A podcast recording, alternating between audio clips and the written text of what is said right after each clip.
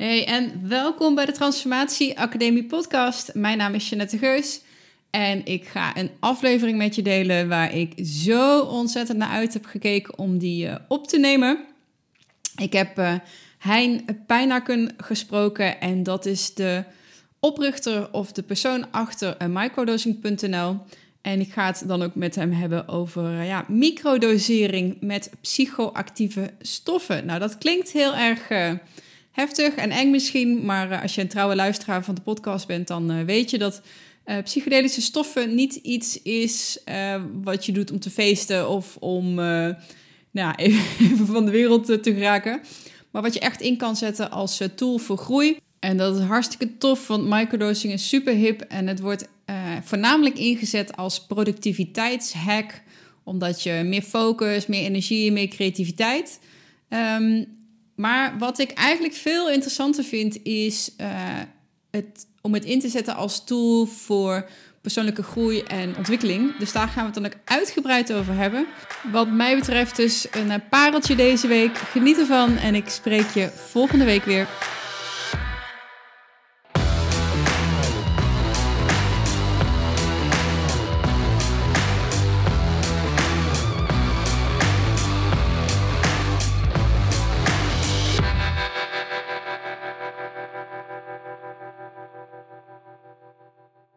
Voordat we in het gesprek met Hein duiken, graag nog even je aandacht voor het volgende.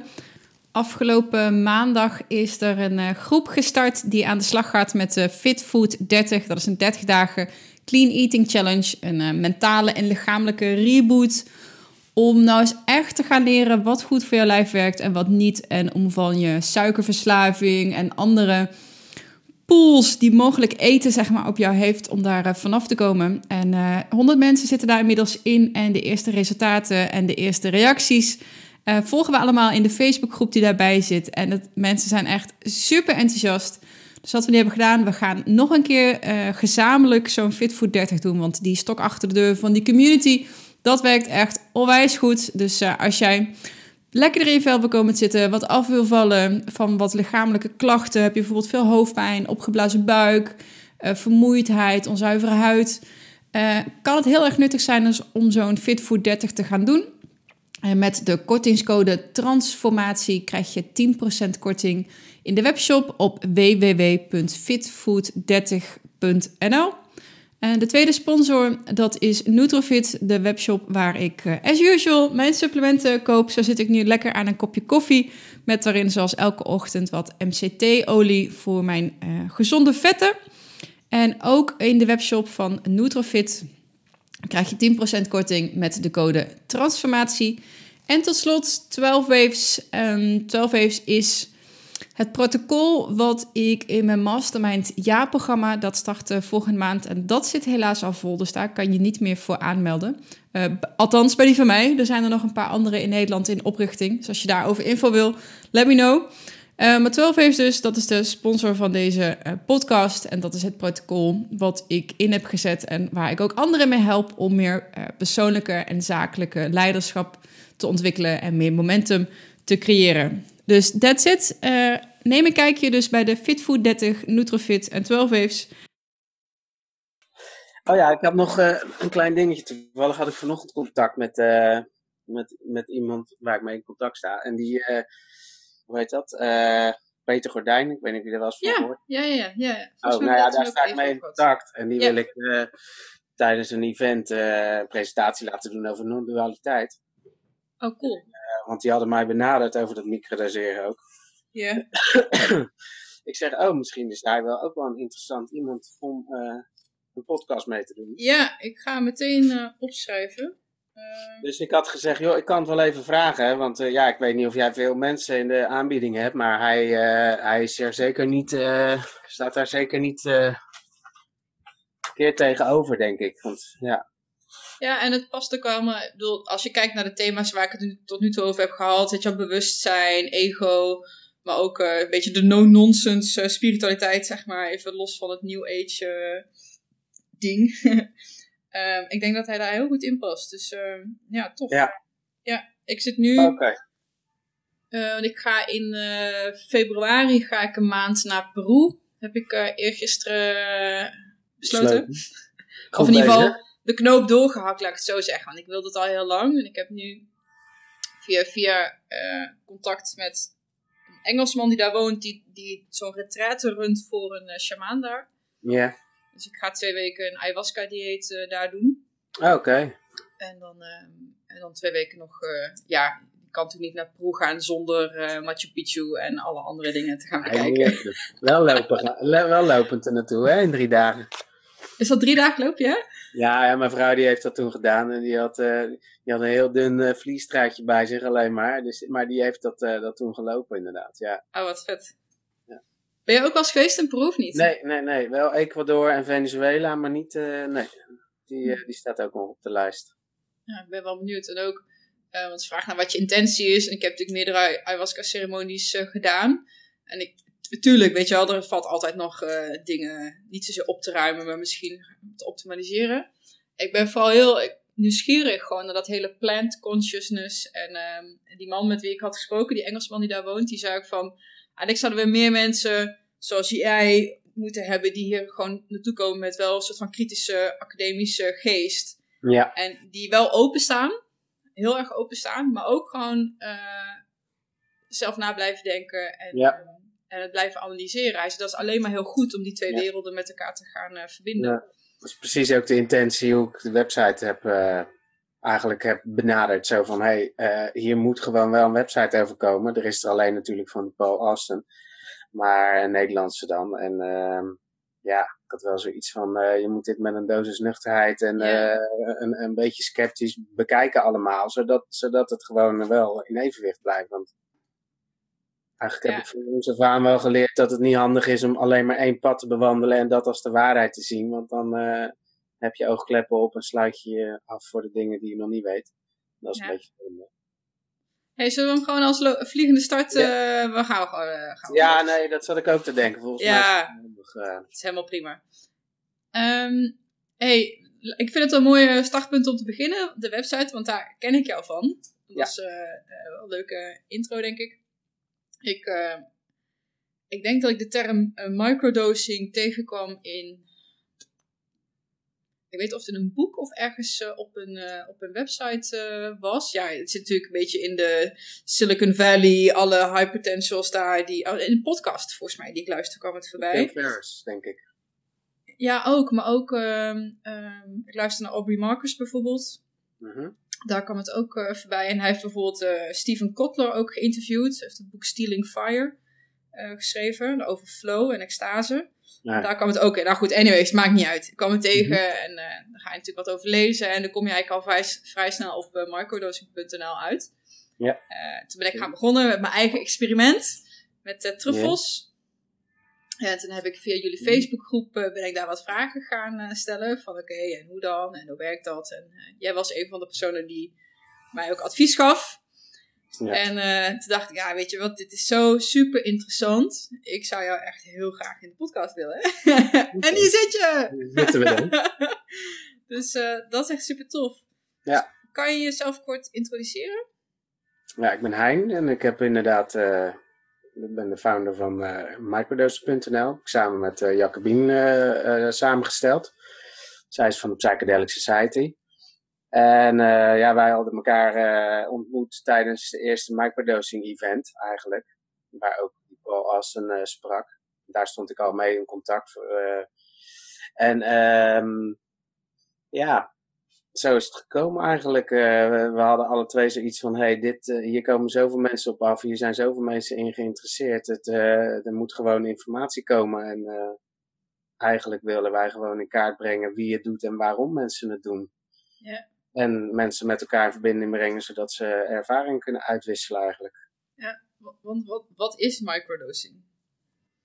Ja, microdosing is een hele kleine hoeveelheid uh, nemen van een uh, psychedelische substantie. Zoals paddo's, truffels, LSD, mescaline, iboga. Dat is niet echt een psychedelica, maar goed.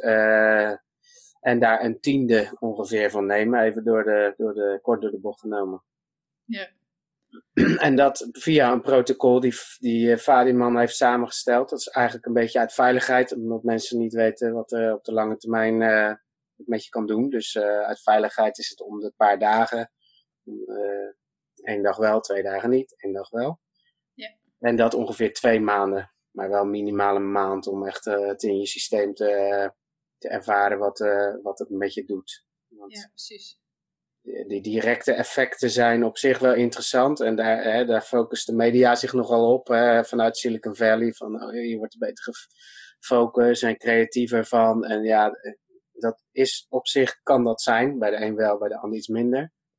Maar ja, wij hebben nu wel gemerkt dat het eigenlijk wel interessanter is wat het op de lange termijn een beetje met je doet. En uh, ja, dat er toch heel veel mensen eigenlijk het echt niet nemen om alleen maar beter te presteren, maar eigenlijk uh, voor persoonlijke groei en ontwikkeling en ook voor medische doeleinden. En daar ligt mijn grootste interesse ook in. Ja, ja vind ik ook echt uh, een van de dingen waar ik heel graag met je over wilde praten. Want het is wat je zegt, ja, die directe effecten, dat merk ik zelf nu ook. Um, nou, we kunnen het zo meteen wel even over dat uh, truffel-experiment hebben, maar uh, directe effecten. Je bent iets helderder, wat meer. Ik heb het gevoel alsof ik langer in een soort van deep focus modus kan uh, blijven. Mm um, ik heb nu ook één keer, uh, moest ik iets schrijven, een stuk schrijven. En dat ging ook, uh, dat ik wow, dat gaat ineens heel anders.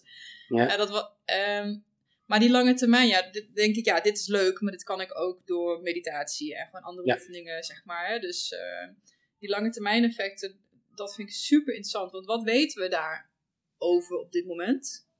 En is dat voor alle stoffen ook gelijk? Mm, nee, dat verschilt zeker per stof. En dat is nou ook het, het, het, leuke en het interessante van het platform wat we eigenlijk hebben gecreëerd. Waar nu eigenlijk sinds uh, afgelopen augustus uh, meer dan 270 uh, eh, leden bij elkaar gebracht zijn ja, dat je eigenlijk nu echt in kaart brengt van waarvoor mensen het, nemen. En, en dat, dat het gewoon uiteenloopt. Niet alleen van welke substanties ze nemen voor welke doeleinden, maar ook in hoeveelheid en in frequentie. En ja, dus dat, dat, is natuurlijk gewoon een soort research in motion. om gewoon onderzoeken wat, wat het voor je kan doen. En ja, in plaats van gelijk ook conclusies trekken van hé, hey, je moet het zo doen. En ja, we gaan allemaal uit van het protocol van Fadiman. En, en je merkt dat mensen toch op intuïtieve wijze hun eigen pad daarin kiezen. Bedoel je uh, dat ze afwijken van dat?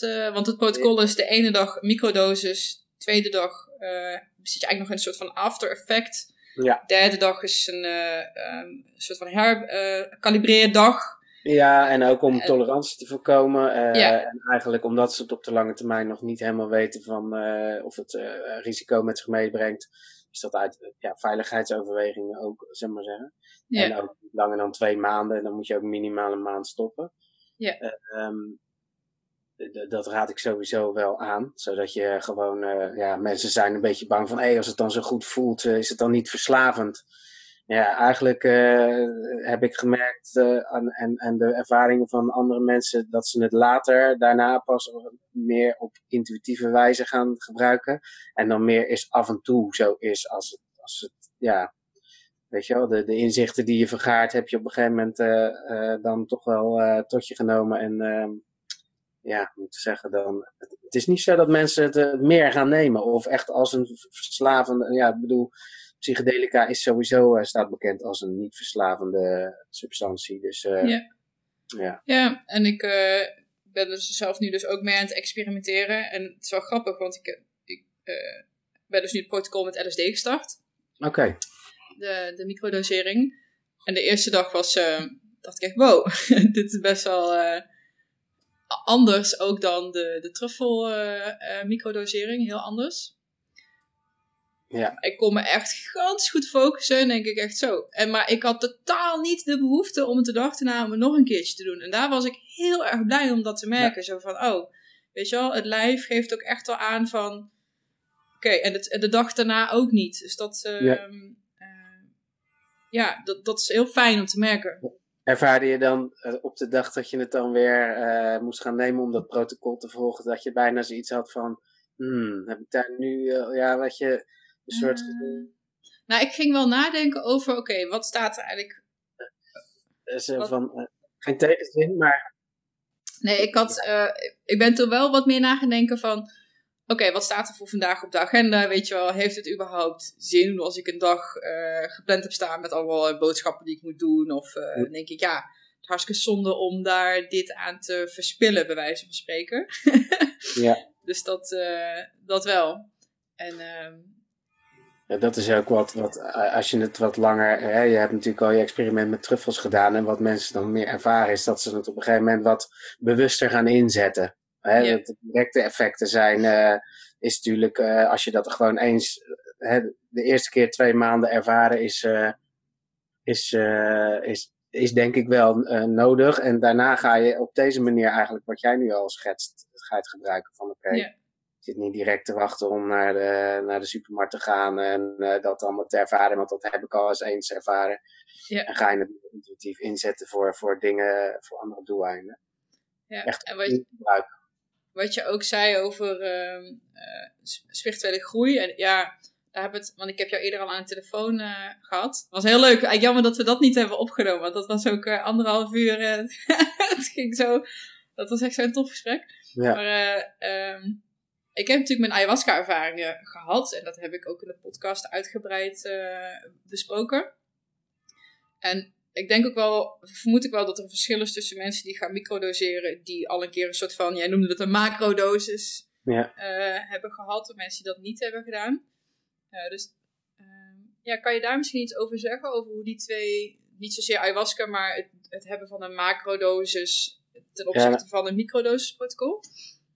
Ja, eh, kijk, ik, ik denk dat het wel met elkaar verbonden is. Alleen ja, ik vind de, de kracht van, van microdosing is echt dat, dat het mensen een beetje interesseert die niet direct met psychedelica in aanraking zijn geweest. Dat is ook de reden waarom, eh, waarom ik het helemaal los van bijvoorbeeld de Psychedelic Society de- die website wilde maken. Om in eerste instantie gewoon eh, mensen die op dat woord googelen niet direct af te schrikken met, met al die andere dingen die er al zijn. Ja. Tegelijkertijd zorgt het ervoor dat ze geïnteresseerd raken in een hogere dosis of in ayahuasca-sessie of, of, of wat dan ook. Dus het, eh, het vult elkaar daarin juist weer aan. En, Ja, het eh, haalt een beetje het stigma. Dat is eigenlijk wel heel slim, inderdaad. Het, eh, want er hangt zo'n enorm stigma omheen. Oeh, Ja. weet je wel, dat is niet goed. En Ja. dan lig je in de goot als je daaraan begint. En, Ja. Nou ja, het, het, het, het kan echt een brug slaan naar, of het slaat dat al, dat merk je gewoon al, van mensen die er daardoor veel opener ook voor psychedelica staan. Dus ja, moet ik zeggen, ik ben het even kwijt. Eh, ja, die, die brug vind ik heel interessant, weet je wel. Mensen staan er open voor en eh, zijn er, ja, willen er gewoon meer over weten. En, en eh, ik denk ook dat, dit, eh, dat zo'n protocol eigenlijk eh, een beetje toch wel samenhangt dat je dan uiteindelijk een hogere dosis is gaat nemen. Eh, of dat je begint met een hoge dosis en het daarna eh, met microdosering eigenlijk een soort in, die inzichten integreren. Ja, er moet allemaal nog een soort van in kaart gebracht worden. Ik heb daar, Ja. wel, eh, zo'n- ik heb daar wel een bepaalde visie of overtuiging over. Maar ik, ik, ik wil eerst, ja, weer eerst gewoon wat, alle ervaringen van mensen daarin doen. Maar ja, ik, ja dat, Wat zijn een beetje de, de want ik weet niet of, of je kan spreken van een gemiddelde ervaring, maar wat zijn een beetje de ervaringen van de mensen die zich nu via dat platform bij jullie melden bijvoorbeeld? Ja, die zijn wel, eh, ja, die zijn overwegend positief.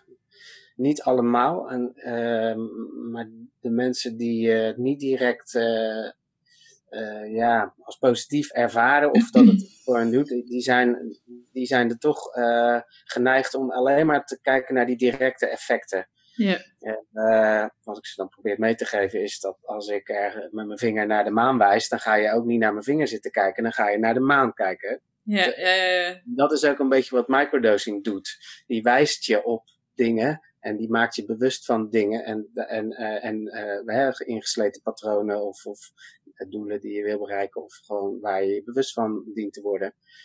Ja, en, en dat is een beetje de- hoe je het dan als tool gaat gebruiken. En niet direct van, oh ja, maar ik, ik voel die eh, focus niet en ik voel die concentratie niet, want ik eh, ben alleen maar moe. En ja, weet je wel, dus als je je daar alleen maar daarop richt, op die vinger, wat ik dan bedoel, Mhm. dan, eh, ja, dan ga je een beetje voorbij aan, denk ik, waar, waar microdosing dan echt voor bedoeld is. Maar ja, Ja. Dat is, ja, het is een beetje mijn eigen invulling daarin. Maar, Nee, ik kan je daar denk ik echt wel heel erg in vinden. Ik bedoel, ik. ehm, eh, en het is, het is natuurlijk omdat je ook zelf op dat pad loopt van zelfontwikkeling. En mensen die naar deze podcast luisteren sowieso, want anders kom je denk ik volgens mij niet, eh, niet op uit. Hm. Ehm, ik ben bezig met introspectie, met zelfreflectie, met vragen over bewustzijn en ego en, eh, en wie je bent en waar je staat en wat je aan het doen bent. En als je daarmee bezig bent, dan kan deze soort van extra focus of deze, ehm, ja, dit, dit opstapje je Ja. onwijs veel inzicht geven. En Ja. ik heb, ehm, kijk, ayahuasca is volgens mij precies hetzelfde. Want ze zeggen, want ik heb dan ook eh, Gino geïnterviewd, die shamaan, waar ik de eerste eh, paar keer was geweest. Oké. Want eh, soms heb je de neiging dat mensen zeggen, ja, ayahuasca kan je genezen. En hij zei ook van, zij geneest jou niet. Zij laat je zien Ja. hoe je je zelf kan genezen. ja, Ehm, ja, bijvoorbeeld mensen kregen in een, in, een, in een visioen iets over dat hun tanden werden gereinigd. Ik denk Ja. dan, het is niet dat zo'n plant spirit jouw tanden aan het reinigen is. Dit Nee. laat jou zien dat je iets met je tanden moet doen. Of Ja. dat daar misschien een ontwikkelpunt zit. Ja, En- nou, dat is inderdaad precies wat ik zeg met, met die vinger. Het wijst je op dingen, Ja. maar je moet zelf mee aan de slag. Je moet zelf dat interpreteren en, eh, en daar wat mee doen. En eh, op het moment dat je dat door hebt, denk ik dat het heel waardevol kan zijn. En als je, Ja. ja. als je het neemt omdat je denkt dat dat, eh, dat, dat de oplossing is voor al je problemen, ja, dan, ja, dan, dan, ga, je, ja, dan ga je er aan voorbij. Ja. Nou, heb- nou heb ik wel de overtuiging dat eh, al die planten een eigen bewustzijn hebben. En Mhm. dat zij ja, daar ook weer op wijzen. Eh, en in, ja, alleen zal dat wat langzamer gaan als je bij een microdosering misschien. Maar zeker bij, eh, bij paddenstoelen, een hogere dosering of, of, eh, of ayahuasca, ja, dan eh, word je wel met de neus op de feiten gedrukt, zou ik maar zeggen. Of je wil of niet. Ik ga een, eh, volgende maand, dat zei ik net in het voorgesprek tegen je, een, eh, een maand naar Peru, waaronder twee weken eh, is een ayahuasca-dieet. En een van de, eh, eh, de protocollen wilde ik eigenlijk zeggen. Mm. maar dat is natuurlijk, een van de rituelen die ze daar ook aanbieden, is ook eh, San Pedro. Dus Ja. dat wordt, eh, ben ik ook wel heel erg benieuwd naar, ook naar dat...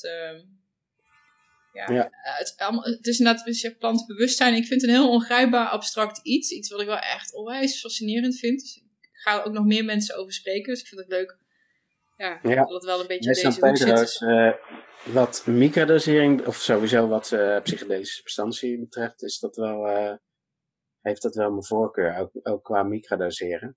Echt waar? Ik wist niet dat je daar... Want kan je met alle middelen dan microdoseren? Nou ja, ik weet niet of je wel eens een bakje koffie neemt, s ochtends.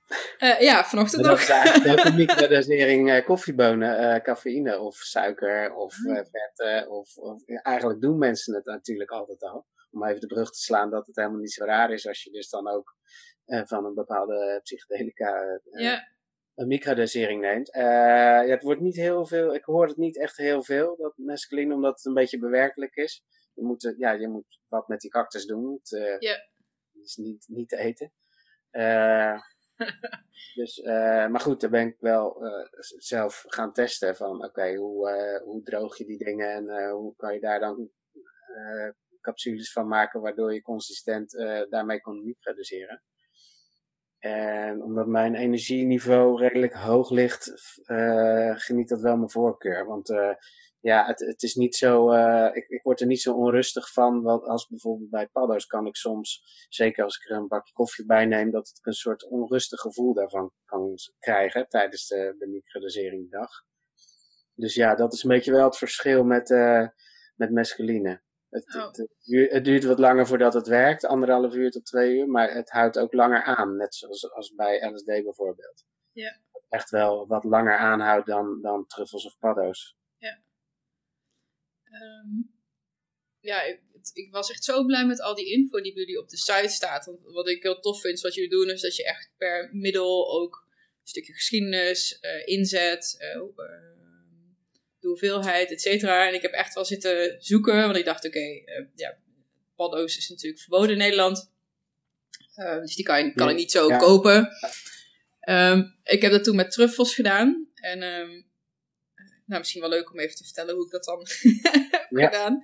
Dus dan koop je gewoon in, uh, in een smartshop, pak je truffels. Ehm, ik had in eerste instantie nog niet door dat ik ze beter kon drogen, omdat ze natuurlijk uh, beperkt houdbaar zijn.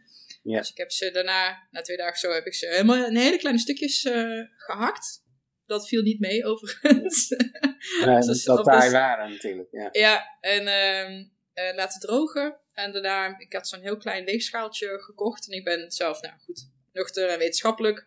Dus ik had netjes een logboekje en een weegschaaltje en van die capsules. En ik, ik ga niet zomaar even iets uh, doen. Ik wil dat ook wel uh, protocoleren en zorgen dat die, die hoeveelheden hetzelfde zijn. Nou, alles helemaal ja, goed. voorbereid. En ik had ook, uh, ik heb elke dag, en ik heb het uiteindelijk 21 dagen gedaan. Elke dag even gescoord van hoe voel ik me, mijn energie, mijn focus, emotioneel. Gewoon een cijfer gegeven en gekeken of ik daar een soort van trend in kon ontdekken. Ja. Um, en ik heb daar toen met jou over gehad. Wat ik heel bizar vond, is dat het, het was een soort. Ja, niet hetzelfde effect als wat je zou verwachten. Het was niet negatief, maar ook niet positief. Ik merkte bij mij vooral dat ik heel makkelijk en meer emotioneel werd. En dat er wat oud verdriet of zo nog uh, naar boven kwam. Uh, naar boven kwam. En als ik dan in een groep was met mensen of in een gesprek, nou, dat ging fantastisch. Ik kon heel goed contact leggen en uh, nadenken en, en, in een groep mengen, zeg maar. Heel goed mezelf heel goed manifesteren. Als ik dan alleen was, dan leek het wel alsof het juist op zoek ging naar. Uh, ja, Jezus, wat zit daar allemaal nog? Weet je wel? En uh, veel verdrietig. En terwijl, en, terwijl, ik van tevoren las van het wordt ook ingezet, zeg maar, als antidepressivum. Mm dacht ik van, hé, hey, hoe, hoe, uh, ja, hoe kan dat dan, zeg maar? Wat, eh, het kan natuurlijk ook zijn dat de, de, de dosering niet consistent was. En weet je, truffels is natuurlijk heel erg... En in het ene bolletje zit meer dan in het andere bolletje. Dus dat is heel erg moeilijk eigenlijk. Ja, daarom gaan we ook aan om, uh, uh, zeg maar zeggen, voor twee maanden in te slaan. En dat gelijk te, te drogen en allemaal te vermalen. Zodat, zeg maar zeggen, het ene, dat je gewoon alles vermengt met elkaar. Ja in ieder geval in die twee maanden een consistente uh, kwaliteit en, uh, krijgt. Maar hoor je dat vaker dat, het, ehm, dat mensen het inzetten omdat ze bijvoorbeeld last hebben van depressie of een verminderde stemming en dat het dan eigenlijk averechts werkt? Of? Ja, nou ja, averechts, ik weet niet of het het goede woord is, maar toevallig ja, kwam het... Atypisch, misschien is dat het. Ja, nou ja, het is niet direct wat je denkt, omdat je denkt, oh, het werkt als een antidepressiva, dus je wordt er direct uh, vrolijker van, weet je wel. Mm. Ja, toevallig kwam het gisteren op Facebook ook weer voorbij uh, met iemand die dat aangaf, van ik, ja, die, die moest er veel van huilen. Ja, er zit wat er wordt natuurlijk op een gedoseerde manier wel op, met je neus op de feiten gedrukt van dingen die nog niet verwerkt zijn. Dus wat dat betreft denk ik dat je daar ook doorheen moet. Uh, om dat dan, uh, om het misschien als echt antidepressiva direct te ervaren. Ja. Tegelijkertijd denk ik wel dat, uh, dat het wel zorgt dat die neerwaartse spiraal of dat denkpatroon wat, wat ervoor zorgt dat je depressief wordt, dat dat mm -hmm. wel doorbroken wordt. Dus je gaat wel, de, de, je creëert wel weer ruimte om, om anders te kiezen en anders te denken. Maar ja, dat zal niet in één keer, in één keer gaan, niet direct. Ja. Dus ja, weet je, ik, uiteindelijk denk ik van ja, hoe erg is het om te huilen? Uh, gooi het er allemaal uit en dan. Uh, maar ja, weet je, nee, de, ja, het is makkelijker gezegd dan gedaan misschien. Ja. Nou, en ik denk als mensen luisteren die, die daar wel in dit effect geïnteresseerd zijn. En ik, ik, ik, denk dan bijvoorbeeld met name naar iemand als mijn vader, um, die al heel lang, echt al twintig jaar of langer depressief is. een beetje uit in, die in het, in het reguliere traject zeg maar niet echt zijn ding kan vinden of daar niet echt... Uh, lukt het? ja, ja ik, ik zie dat ding helemaal. Ja, dat raam, ja. Ja. Um, dus die zegt, ja, misschien is dat dan wel wat voor mij, weet je wel, dat microdoseren. Ja. En ik merk dat ik daar wel een beetje voorzichtig in ben. Dus van ja, volgens mij heb je daar wel uh, hulp bij nodig. Of een coach bij nodig. Of iemand die met je in gesprek gaat. Want wat je zegt, dingen komen wel aan de oppervlakte. Ja. Uh, en dat is met ayahuasca bijvoorbeeld precies zo, weet je wel. Het gaat het interpreteren daarna en wat heb je gezien? Wat is je verteld? Wat, wat voor inzichten heb je gekregen? Dat is niet, dat is niet de oplossing. De oplossing is wat je daar daarna dan mee gaat doen. Ja. ja.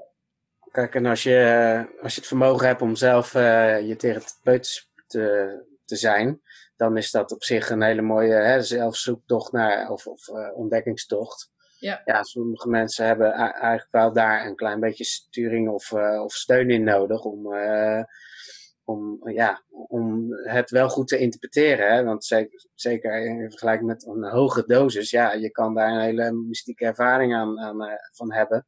Maar als je dan tegelijkertijd, ja, als je dat verkeerd interpreteert, dan, ja, dan is het ook wel handig als, als je daar wat over kan praten. En ja, dat merken we nu ook wel dat dat voor sommige mensen dat wel nodig is of uh, handig is. Ja. ja, dat is ook iets wat jullie uh, doen ook, toch? Wat ik voorbij zag komen op de website. Ik weet niet wat... Nou ja, ik, ik heb zelf opleiding NLP uh, gedaan.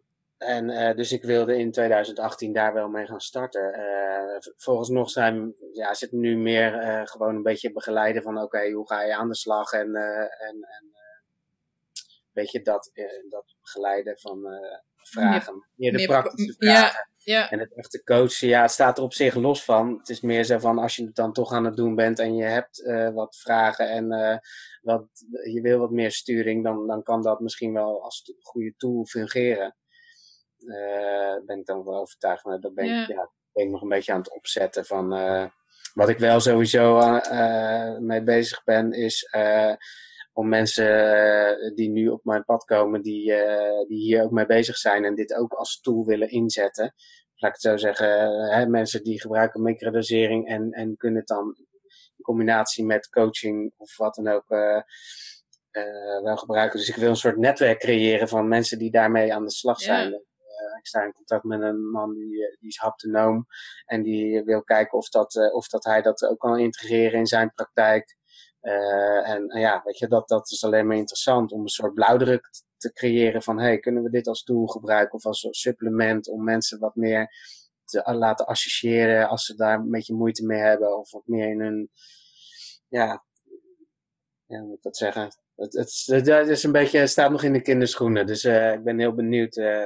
Wel, net wat ik net straks al zei, in contact gekomen met uh, Peter Gordijn. En die hebben weer een eh, Psilowaska uh, centrum waar ze ook microdosering in willen integreren. en ja, zo kom je zoveel mensen op, op je pad dat je steeds meer ideeën krijgt van hoe, je hoe we dit kunnen gaan inzetten. En dat het waardevol kan zijn en is dat, dat ja, dat, daar zijn we het wel over eens. Ja. Alleen ja, de mogelijkheden van zijn, ja, zijn gewoon spannende tijd. Ja, ja want op zich denk ik het inzetten van LSD, maar ook uh, eh, MDMA in uh, Psycho-Assisted Therapy, noemen ze dat dan volgens mij officieel. Ja. Is, uh, is hartstikke oud feitelijk. Ja. We zijn het gewoon een beetje uit het oog verloren volgens mij. Want maar als je kijkt naar posttraumatische stressstoornis bijvoorbeeld, kan het juist heel goed werken dat mensen met één of twee MDMA psychotherapie sessies gewoon genezen zijn. Ja. En in die zin dan of ja, dat, of dat ze nog 40 jaar lang antidepressieven moeten slikken met heel veel bijwerkingen. En, uh... Ja. Nou, goed, dat pikken ze dus nu weer, tenminste, dat is alweer eventjes natuurlijk, maar ja. uh, Maps, die is nu, geloof ik, met de derde trial bezig uh, en heeft goedkeuring gekregen van de Food and Drug Administration in Amerika. Dus die zijn er ook wel achter van dat hier wat te halen valt. Zeker op het gebied van uh, niet te behandelende mentale ziektes, zoals een uh, langdurige depressie, waar mensen gewoon uh, niet uitkomen, of een posttraumatisch stressstoornis. Er zijn natuurlijk, weet ik veel, 800.000 oorlogsveteranen die, die hulp nodig hebben. En met drie sessies MDMA van hun posttraumatisch stressstoornis af zouden kunnen zijn. waar ze heel veel veelbelovende resultaten mee behalen. Dus ja, ja dat is interessant. En gelukkig worden daar steeds meer vergunningen en goedkeuringen aan verleent. Ja, fantastisch om te zien dat dat een beetje dat... Uh, ja. Het is alleen jammer dat, dat, uh, dat LSD en paddo's op, op, ook op die opiumlijst staan, waardoor de wetenschappers echt moeite hebben en waardoor het heel duur is om die onderzoeken uit te voeren. Dus ja. als ze daarvan af zouden uh, gehaald worden, dan, ja, dan hebben ze veel veel minder moeite om, om, die, om die onderzoeken voor elkaar te krijgen. Dus ik denk dat dat wel gaat komen. Ik bedoel, ze hebben nu wel binnen zes jaar zijn ze ervan overtuigd dat MDMA een medicijn wordt in combinatie met psychotherapie. Yeah, yeah. En, en psilocybine ook. Dus ja, dat is wel een mooi vooruitzicht sowieso. Ja, ik vind het fantastisch. Ik uh, blijf erbij dat mijn uh, geëxperimenteerd met drugs toen ik jonger was, dat ik een soort van mezelf heb terugkijkend, dat het een soort van manier is geweest om mezelf te, te, te genezen. ja, dan, dat, ja, ja, dat, is, wel... dat is. Uh, oh, sorry. Nee, ja. nee, genezen in de zin van ik heb dorst en dan spring, spring ik in een kolkunrivier en ik ga bijna ten onder. Dus het is een beetje ja. als een ongeleid projectiel. Um, mm-hmm. Maar ik denk dat dat wel heel veel voor me heeft gedaan ook. Uh, en ik, als je dat echt in een goede therapie-setting had gedaan, ja. Zou dat heel veel uh, voor mij gedaan kunnen hebben. Ja. Ja, sowieso. Kijk, een goede set en setting, wat uh, bij hogere dosering gewoon heel belangrijk is. En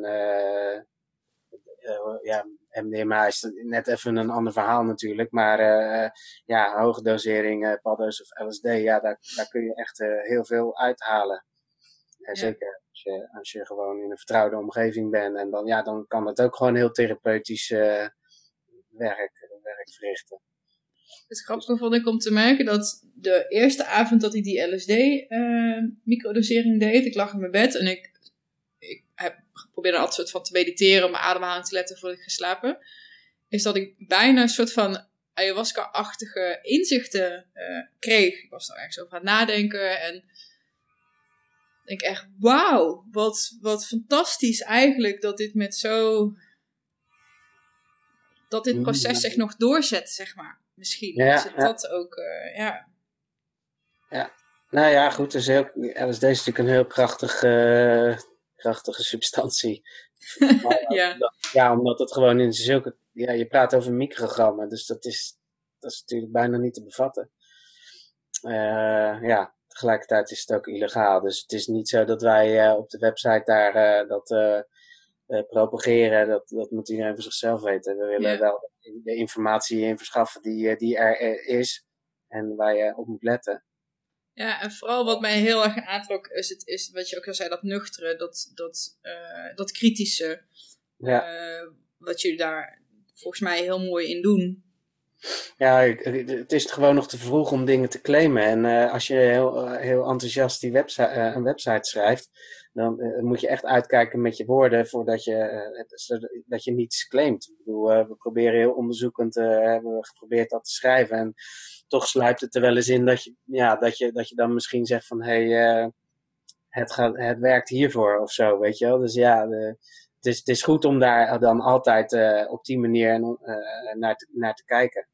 En daar, ja, we pleiten gewoon voor meer onderzoeken. En dat ja. is heel tof, want die gaan er komen dit jaar. Dus dat is heel mooi.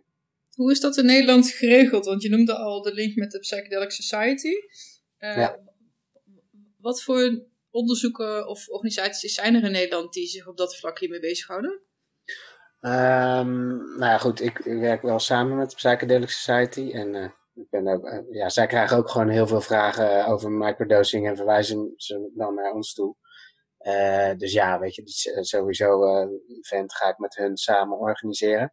Maar uh, Universiteit in Maastricht die is bezig nu met een onderzoek naar psilocybine. Kim Kuipers, die is dat aan het uitvoeren.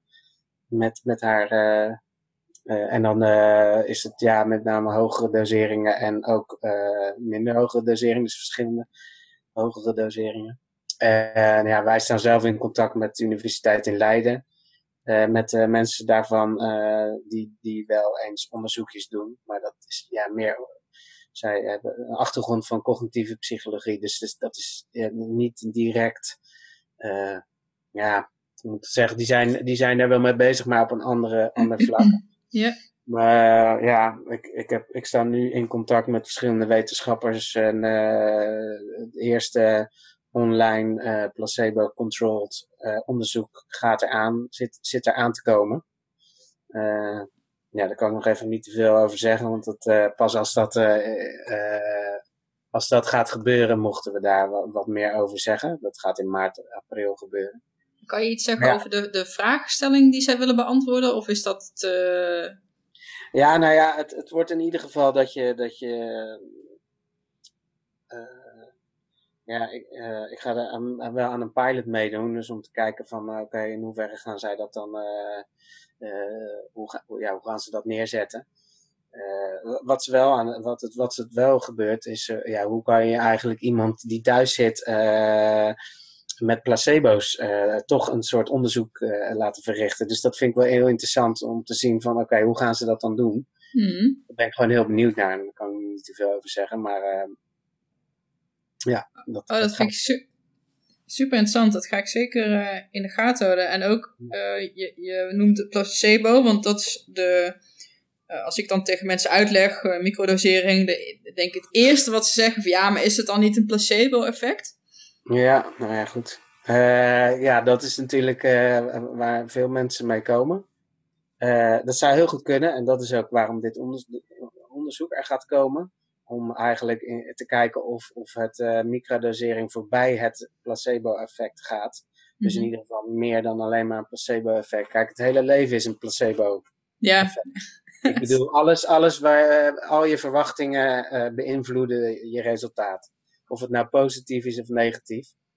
En juist bewust, want het is leuk om die term natuurlijk te zeggen, maar juist bewust zijn dat je dus uh, invloed hebt op jouw uh, uitkomst, denk ik van ja, omarm dan dat placebo-effect. Want uh, je kan zelfs dat ook als tool gebruiken om een positief resultaat op je doelen te, te, te, te verwezenlijken, zou ik maar zeggen. Dus ja, ik heb daar ook een stukje in, op mijn website over geschreven van omarm het placebo-effect.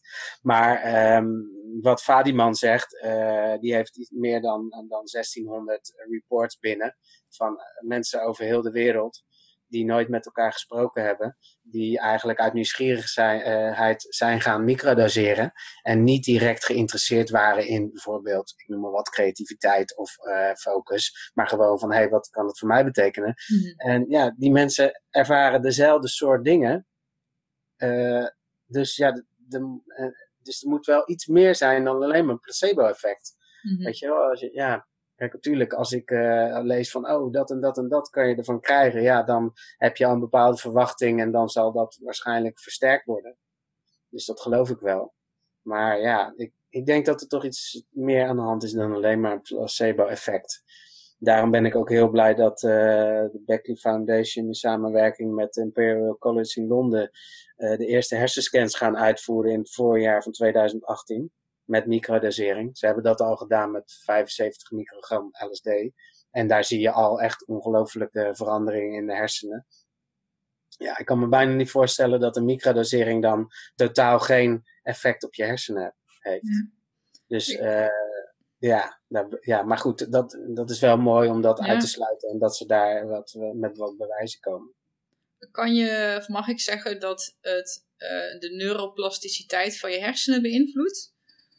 Uh, of in ieder geval een macrodosis, maar misschien dus ook wel een microdosering.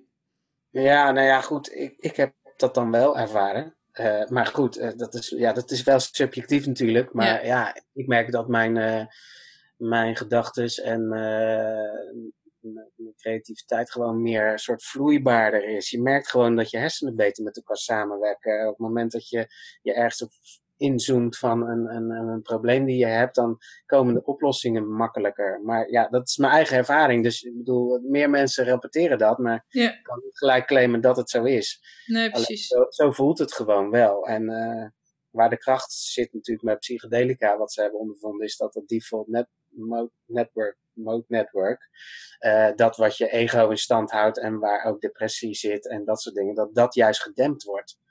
Uh, dus dat, dat uh, verdwijnt een beetje naar de achtergrond, waardoor je die eenheidservaring hebt. En dat is een beetje de kracht van, van psychedelica. En ook denk dat dat in, in, in kleinere mate ook met uh, microdoseren gebeurt. Maar ja, het moet allemaal nog onderzocht worden natuurlijk. Maar zo ervaar ik het zelf een beetje. Ja, ik vind dat wel een heel, wat je net zei over dat default mode network.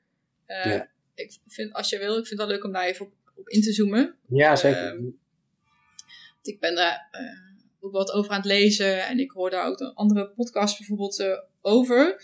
Dus uh, misschien moet je me maar even corrigeren als ik het fout heb, maar dat default mode network is eigenlijk de hersenactiviteit die er plaatsvindt op het moment dat we gewoon op de automatische piloot bezig zijn. Dat is het, de hersenactiviteit die gewoon scant op gevaar en ons in leven wil houden, toch? Ja. ja.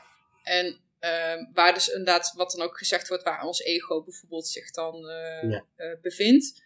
En als je in flow bent, of heel erg op een taak gefocust, of echt helemaal opgaat in het moment uh, en heel geconcentreerd, dan wordt die naar de achtergrond of minder actief. Ja. Ja. Dat klopt precies, ja. Ja. En ik vind die relatie met depressie, want dat kwam ik echt eergisteren of zo pas ergens tegen, ook heel interessant. Dat mensen die depressief zijn, dat dat default mode network, dat continu scannen op gevaar, dat dat eigenlijk een soort van te actief is. Ja. Um, ja, dus dat zou best wel uh, interessant zijn inderdaad. Ja, daar, daar, zit, ja. daar, zit, daar zit gewoon uh, een ding wat, wat, wat onderzocht moet worden. En ja. Als ze dus inderdaad met die hersenscans ook kunnen zien dat er activiteit is, dan zullen ze ook zien dat daar dan minder activiteit is. Ja, oh, en, en, en waardoor dat als je inderdaad depressief bent, als een soort pick-up naald wat blijft hangen. Dat dat microdosering net eventjes die naald een, een zetje geeft. Zodat je weer wat beter, ja, beter andere ja. dingen legt met, met je hersenen. En andere mogelijkheden ziet voornamelijk. Dat je bestaande patronen, ja. dus die, die groef inderdaad, waar die naald dan steeds dieper in gaat. Met je negatieve ja. overtuigingen die eigenlijk op repeat staan. Ja. On, onbewust. Ja. Uh, dat gevaar, dat dat daar dan uh, doorbroken kan worden. Ja. ja. En daarom kan, zeker bij, bij mensen die depressief zijn, kan, dus, kan wat begeleiding daarin ook natuurlijk niet, geen kwaad. Kijk, ik bedoel, uh, ja, jij hebt denk ik ook wel eens een boek over het boeddhisme gelezen. En je weet ook dat boeddhisme gestoeld is op dat je ego een illusie is. En dat, mm -hmm. dat je ja, de werkelijkheid die je jezelf vertelt, of je identiteit waar je je aan vasthoudt, dat dat opgebouwd is uit jouw filters en uit jouw belevingswereld. En juist die bewust, dat bewustzijn, ja, dat zorgt voor die vrijheid. Maar ja, goed. Als je daar natuurlijk je halve leven aan vastgeklampt hebt, dan is dat, uh, komt dat best rauw op je dak. Uh, ik, ja, als jij nog volledig identificeert met dat ja. default mode network eigenlijk, zeg maar. Dus ja. met die ook.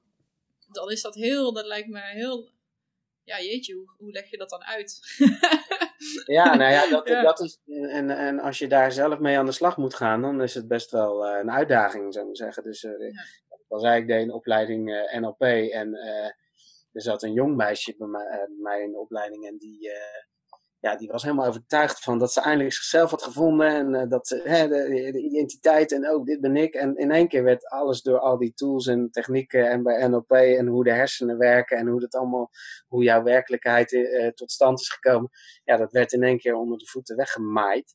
En nou, die, die was er echt van van slag. Weet je, ik, ik zag dat wel een beetje zo als zo'n vergelijking met inderdaad, dat, ja, dat het voor sommige mensen gewoon echt een uitdaging uh, of is om, om daar dan eventjes mee, mee aan de slag te gaan. maar ja, ik denk wel dat het goed is om daar achter te komen. Dat, ja, weet je dat.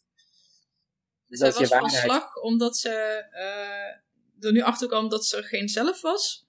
Nou ja, ze kwam er inderdaad achter dat haar zelf, haar, dat dat een verhaaltje is die je zelf vertelt. Ah. Maar dat dat niet direct de waarheid is. Want ja, Kijk, uh, het, het, is natuurlijk wel waarheid voor jou, uh, maar yeah. het is wel gebaseerd op je opvoeding en op de manier waarop je naar, naar kijkt en, en uh, alle invloeden van buitenaf. Maar ja, er zijn natuurlijk 6 miljard mensen met 6 miljard waarheden en wat is dan de waarheid? Ja. of 7 miljard zijn het er altijd.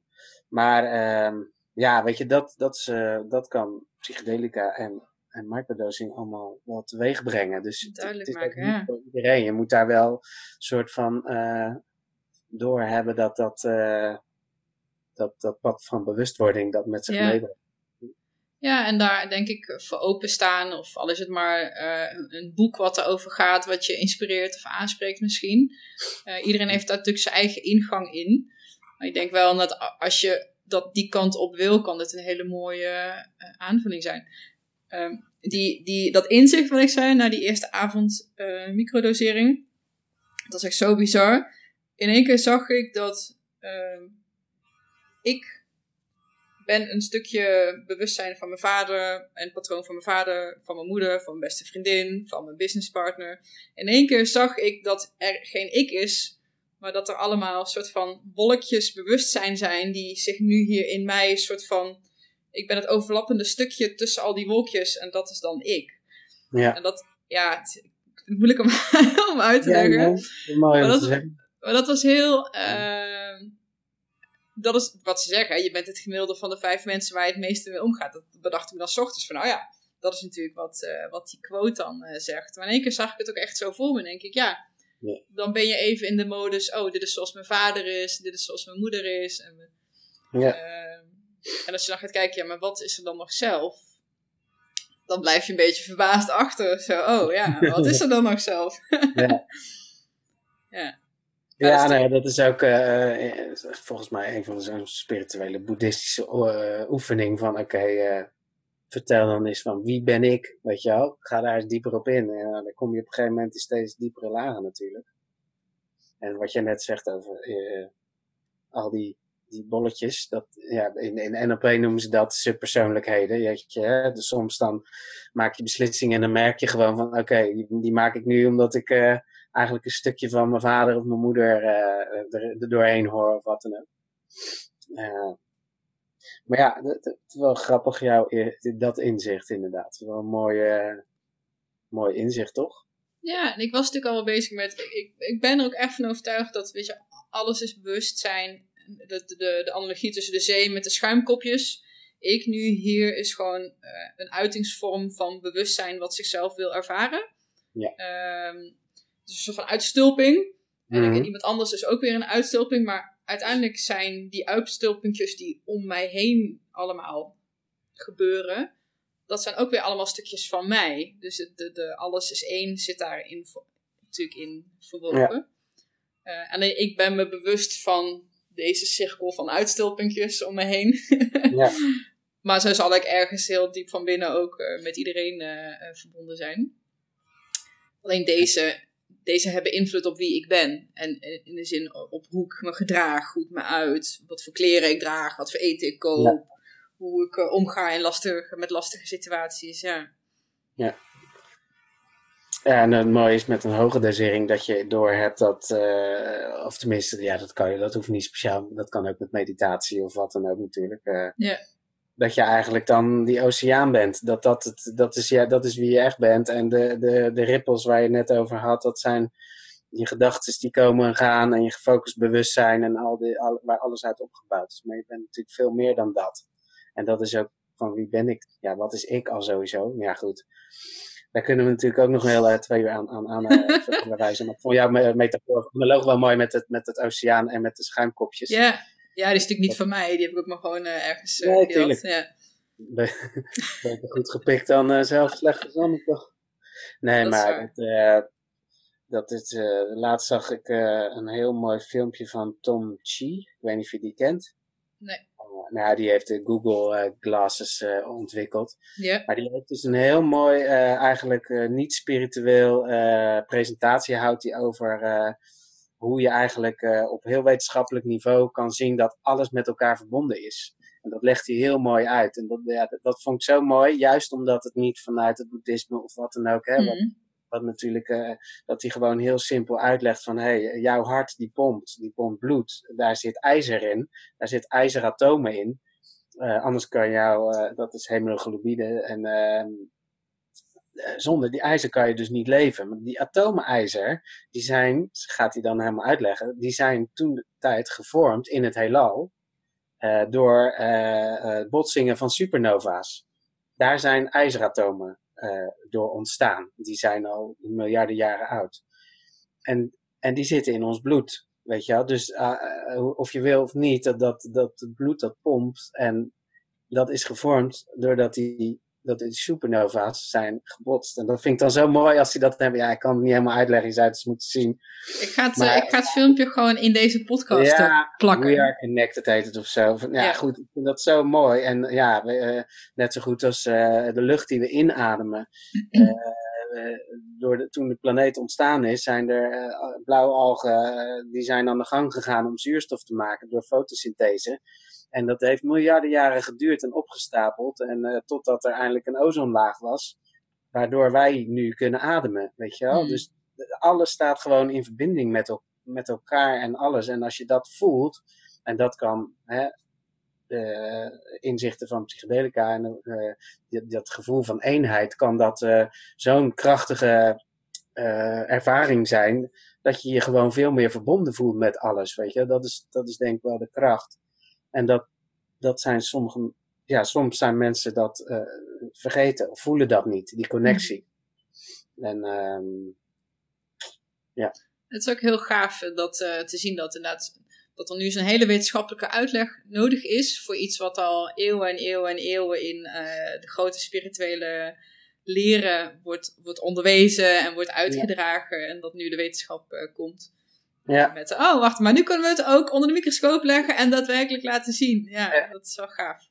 Ja, zeker. De westerse maatschappij heeft dat dus blijkbaar nodig om, uh, om wetenschappelijk uh, bewijs te hebben voor dat soort dingen. En dat ja. is kwantummechanica en uh, ja, weet je wel. Dat, dat, maar goed, dat is, daarom vind ik het wel leuk hoe hij het benadert. Van oké, okay, ja. iedereen draagt bij aan de, aan het palet van, van, van het leven. Van of je wil of niet. Je beïnvloedt in alle tijden wel iets of iemand in de omgeving. En ja, goed dan moet je maar eens kijken. Het is echt een, leuke, een leuke presentatie. Tof. Hey, mag ik jou vragen waar, waar jou, voor jou persoonlijk de interesse uh, in, uh, in microdosering vandaan komt? Ja, dat mag. nou ja, goed. Um, ik was altijd al overtuigd van, uh, van uh, ik was altijd bezig met uh, psychedelica en wat die bewustzijnsveranderingen met je deden. Dus daar, daar, ja, daar was ik eigenlijk van jongs af aan wel in geïnteresseerd. jonge leeftijd las ik een paar keer die boeken van Carlos Castaneda en toen ben ik me daar eens in gaan verdiepen. dus hij was een van de eerste spirituele schrijvers in de jaren zestig. Mm -hmm. En dus ja, uh, toen ik op een gegeven moment, uh, hoe moet ik zeggen, ik deed altijd, uh, ik, ik, nam samen met een vriend van mij altijd paddo's tegen zijn clusterhoofdpijn. En uh, dat hielp hem tegen, om dat te onderdrukken. En dat, ja, dat hielp hem altijd goed. Nou ja, vier jaar geleden stapte hij uit het leven omdat hij het niet meer zag zitten. En dat stond in principe los van, van uh, het baat wat hij daarbij had. Alleen uh, ja, toen, hij, uh, toen hij wegviel, toen ben ik me toch wel eens gaan, gaan, gaan verdiepen in waarom dat nou maakte dat dat bij hem wel hielp. en toen kwam ik erachter via Clusterbusters, dat is een site, dat, dat, er best wel wat onderzoeken gaande zijn. En dat, dat 80% van mensen die clusterhoofdpijn hebben, daar gewoon baat bij hebben. En dat het natuurlijk te, te zot voor woorden is dat je hun een medicijn ontneemt, dat die toevallig uh, op de verboden lijst staan. Dus af en, toe een, een, uh, een gewone paddo-trip, zeg maar. Dat ja, hielp, nou ja, dat hielp hem? Ja, uh, als, je, als, ze dan, als hij een, hoe heet dat, een, cluster voelde aankomen of hoofdpijn, dan, dan moest hij dat wel plannen. En dat maakt het ook een beetje moeilijk dat het niet handig is uh, om zoiets uh, zomaar te plannen op een doordeweekse dag als, als het moest. Dus ja, dat, dat hielp hem dan. Ehm, nou ja, de 80% hebben daar dus baat bij, kwam ik dus achter. En ja, ik vind het moeilijk om over te praten, omdat die, die weggevallen is. Maar um, dat is wel een van de redenen dat ik die onderzoeken ben gaan volgen en gaan onderzoeken. En toen kwam ik eigenlijk al snel op dat microdoseren. Dat ik dacht van, hé, hey, had dit iets als, als een soort preventief medicijn, zou, zou dat kunnen helpen tegen ADHD, tegen clusterhoofdpijn, tegen depressie? En uh, ja, toen kwam ik al snel bij Fadiman en uh, toen ging ik het zelf testen. Hmm. En eigenlijk toen had ik net iets te veel genomen. En, de, maar de eerste ingeving was van hier moet ik een website over schrijven. Dus toen ben ik gelijk al die domeinnamen gaan claimen. nou, die heb ik in ieder geval, uh, zien we wel wat er gebeurt. Ja. En, vervol en vervolgens uh, merkte ik dat ik, uh, toen ik dat twee maanden volgde, eigenlijk best wel proactief daarvan werd. terwijl ik altijd een, een master was in dingen voor me uitschuiven, merkte ik dat ik gewoon, als ik iets in mijn hoofd had, het gelijk aanpakte. En ja, zo is ook die website is daar wel een direct voorbeeld van. Dat ik dacht, ja, nee, ik ga het gewoon doen. Ik heb dit idee in mijn hoofd. Vandaar ook dat ik dat filmpje stuurde van Nick Cave.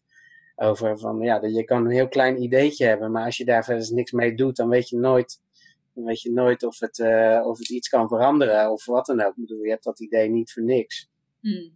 Ja, ik, ik, ik ondervind nu wel de, wat dan zo'n ideetje uh, kan, kan, op een gegeven moment kan bewerkstelligen. Dus dat, ja, dat inzicht heb ik, daar heb ik dus nu microdosering niet meer voor nodig om dat inzicht te hebben van, oké, het gevoel van proactief zijn en dingen ondernemen, ja, dat, uh, dat gevoel is zo sterk dat, dat ik dat niet, niet, niet via dat microdosering meer hoef te hebben. Ja, dus het heeft je eigenlijk dat, dat naaldje waar je het net over had, ook bij jou op een gegeven moment ben je uit die groef en loopt het? Heb je daarna dat hulpje niet meer nodig dan of zo? Ja, nou ja, in, In, in mijn geval wel. Kijk, ik ben, ja. uh, ik ben van mezelf een positief mens en ik sta uh, positief en vrolijk en blij in het leven. Ik heb een mooie jeugd gehad en dus dat. Maar op genuanceerd niveau heb je natuurlijk net zo goed als iedereen ook ingesleten patronen, waarvan dit er dan één was. En ja, waarvan ik wel heel, dat heeft microdosing mij wel gebracht om dat te doorbreken. En ja, dus hm. vandaar dat ik wel voor mezelf merkte van, hé, hey, dit is echt wel de moeite om te onderzoeken van ja. Of het voor andere mensen ook zo is. Vandaar dus de website. Ja, en wel gaaf ook, want ik denk als je echt op het juiste pad zit, uh, dat je dat merkt dat alles in de stroomversnelling soort van terechtkomt. En dat is eigenlijk volgens mij wat ik jou ook een beetje hoor zeggen van in de afgelopen vier jaar naar nu die website en die enorme community. Uh, met veel belangstelling. Is ook een teken van, hey, weet je wel, mensen zitten hier op te wachten, dit is waardevol. En uh, ja. dit is ook wat je dus nu misschien wel gewoon moet doen. Ja, ja inderdaad. Nou ja, goed. Uh, ja, je moet een beetje time management, dat ga ik nu een beetje me op in verdiepen. Want dan, dat is wel handig, want er gaat best wel veel tijd in zitten. En eerst wilde ik betrokken zijn bij iedereen die op de Facebookgroep kwam. En dat, dat, is, dat gaat nog steeds wel, maar ja, weet je wel, uh, het, dat, uh, ja, nou uh, Het groeit. het groeit ja. dat groeit sneller dan, dan, dan ik dacht. En ik, ik ben geneigd om dan overal in mee te gaan. En ja, ja. aan de documentaire bijvoorbeeld. Uh, en dat van een stel studenten die een, een documentaire over microdosing wilden maken. En ik had zoiets nou, het wordt toch niet direct gepubliceerd, want dat is dus ook, ook wel uh, een dingetje. Aan de ene kant wil ik dat het, uh, dat het helpt om het taboe te doorbreken. Aan de andere kant merk ik zelf mijn eigen grenzen van het taboe van, oh ja, uh, in hoeverre wil je in de media ja. eigenlijk daarin op een gegeven moment meegesleurd worden. Want wat dus, merk je daar bijvoorbeeld van? Over dat taboe of over hoe erop gereageerd wordt? nou ja, goed. Ehm, nou, eigenlijk, eigenlijk niet. Eigenlijk merk ik dat iedereen er redelijk, uh, uh, ja, weet je wel, belangstellend of geïnteresseerd zijn van, oké, okay, wat is dat dan en hoe zit dat dan? En uh, ja, goed, toen de website tot stand kwam, moest ik mijn ouders bijvoorbeeld vertellen en had ik zoiets van, ik vond het toch spannend van hoe gaan ze daarop reageren? En nou ja, reageerde daar heel positief en open over. En, en wat voor mij eigenlijk ook weer de kracht gaf om te denken van, ja, daar moet je ook niet te moeilijk over doen, denk ik. Hmm. En als het een voordeel kan brengen voor heel veel mensen, waarom kan je dat, dat, dat dan niet daar, dat uitdragen? Ja. Ja, en, en, en voor die documentaire dacht ik van, oké, het wordt toch niet direct gepubliceerd, was voor hun school. En het is een mooi opstapje voor het plan wat ik had om wetenschappers in Londen dadelijk te, en misschien te gaan filmen of daar een korte documentaire over te maken. Daar heb ik de tools niet voor. Maar ja, toen kwamen zij mijn pad. En dat is ook weer iets wat weer helemaal uh, terug is, is de synchroniciteit dat ik ergens mee bezig ben en dat er dingen weer op mijn pad komen die, ja, dat je het gevoel hebt van, hé, hey, ik, ik, ben, ik ben op het juiste pad. Dingen komen weer uh, naar, je, naar je toe getrokken. Dus dat was heel interessant en ja, of een artikel in de krant. ja, het is, goede, het is gewoon een goede leerschool van, oké, okay, hoe profileer je jezelf dan in de media? Mm. En ja, Ik vind het met name belangrijk om, om, om dan ook de medische kant daarin te benadrukken. In plaats van alleen het Silicon Valley verhaal en prestatieverhogend en dat soort dingen. Het is veel meer dan alleen maar dat. Maar ja, dat is natuurlijk wel wat de media vaak leuk vindt om over te schrijven. Of, of zo te doen. Ja, precies. Het wordt gauw een beetje sensatiebelust uh, of snelle headlines. En het is natuurlijk moeilijk om je, je verhaal te doen wat zo genuanceerd is en diep gaat in, in, in een drie minuten item. Ja, dat kan ik me heel goed voorstellen. Ja, ja ik was ook, het was laatst bij RTL Late Night geloof ik. En ja, die, die, hadden ons, die hadden ons ook een mailtje gestuurd van, joh, we zijn geïnteresseerd en dan kunnen jullie wat informatie verschaffen. ja, ik was te laat met reageren. Maar toen ik het item zag, dacht ik van oké, helemaal prima. ja, weet je, zij willen een snel item. Ze hebben zelf een heel idee. En, uh, en daar pas je dan eventjes in.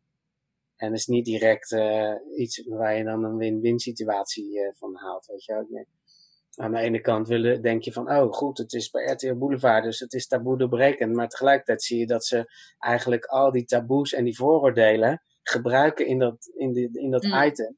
Met uh, psychedelische plaatjes en, en, en dingetjes allemaal. Met de doors op de achtergrond.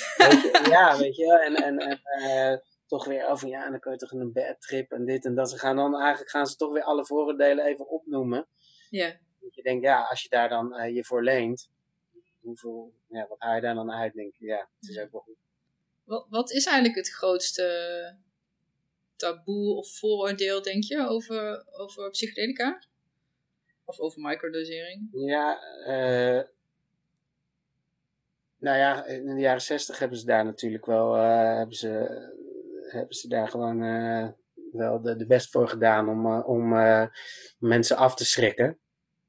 Ja, in één gingen al die hippies natuurlijk voor zichzelf denken. En dan dachten ze, dat moeten we niet hebben.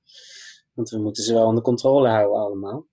En ja, helaas hebben de hippies in, in, mijn ogen, en gelukkig merk ik dat, dat heel veel mensen van Psychedelic Society doorhebben van ja, je moet je niet tegen de maatschappij keren. Het was toen natuurlijk echt zo'n counterculture en mm. En dat is gewoon een beetje de fout die ze hebben gemaakt, weet je wel. Je moet juist het integreren in de maatschappij weer, zoals het eigenlijk al duizenden jaren wordt gebruikt. Ik bedoel, Padders worden al duizenden jaren in spirituele en religieuze culturen uh, ingezet. En, en dat, ja, dat moet weer een beetje uh, terugkeren, denk ik. Dus uh, dat is een beetje taboe die we moeten doorbreken. Ja. En daar kan microdosing werkt daar wel bij. Omdat, ja, dat, daar is niemand bang voor, zullen we maar zeggen. ja, dat is wel heel mooi hoor. Zo komen we weer terug eigenlijk hoe we, hoe we het gesprek zijn begonnen. Dat het een hele mooie brug is tussen mensen die al wel met dit onderwerp bezig zijn en, en niet dat taboe en dat vooroordeel hebben en, en de meer mensen die wat voorzichtiger zijn. Uh, het is even je teen in het water of zo. Ja, ja het is. Uh, ja. Uh, wat, wat zou je, je grootste wens of missie eigenlijk zijn ook met, met de website en wat jullie nu aan het doen zijn? Ja, ons doel van 2018 was om, om zoveel mogelijk eigenlijk mee te doen aan de onderzoeken die er zijn. Eerst ja.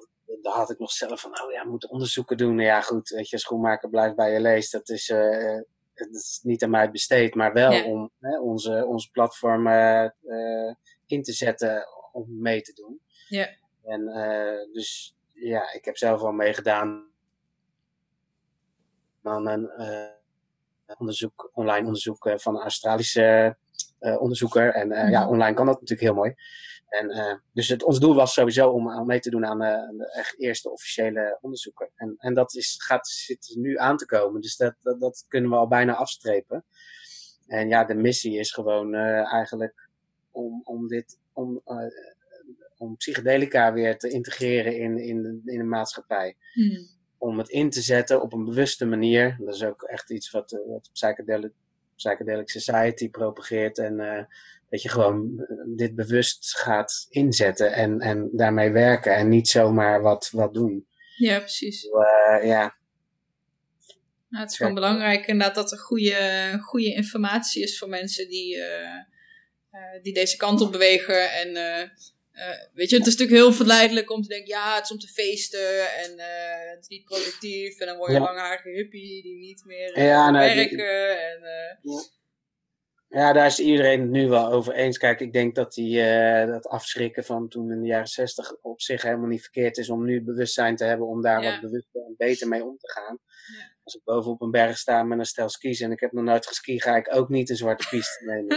Weet je wel, dan wil je ook een goede set setting en les en mensen die je daarin begeleiden of, of wat dan ook. Dus eh, ja, weet je wel, dat is nu ook wel wat, wat mensen op een voorzichtige manier eh, en ik ben ook heel blij verrast dat eh, de mensen die, die ons benaderen en die op de Facebookgroep komen, dat, dat ze zo wel bewust, eh, eh, voordat ze ook maar enigszins beginnen daaraan, eigenlijk alle informatie willen, willen verzamelen voordat ze ermee beginnen. En dat is Ja. wel, ja, daar, daar ben ik wel blij verrast door. In plaats Ja. van dat iedereen maar luk raken, dat gaat zitten proberen. Ja, sla een beetje de plank mis en dat, is, dat zou gewoon een zonde zijn. En Ja. gelukkig zie je dat mensen dat echt wel eh, bewust willen inzetten. Ja, ja wel mooi.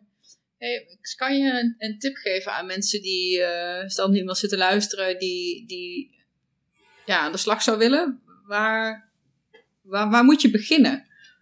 Eigenlijk. Ehm, ja, ja het, is, het is handig om een eh, bepaalde substantie natuurlijk eh, te hebben. Dus vandaar, ja, nou goed, weet je, dat is ook eh, de- op de website proberen dan ook van een beetje de, de praktische van oké, hoe ga je dan aan de slag? Dat is waar de meeste mensen toch eigenlijk uiteindelijk naar, naar ons toe komen van ja.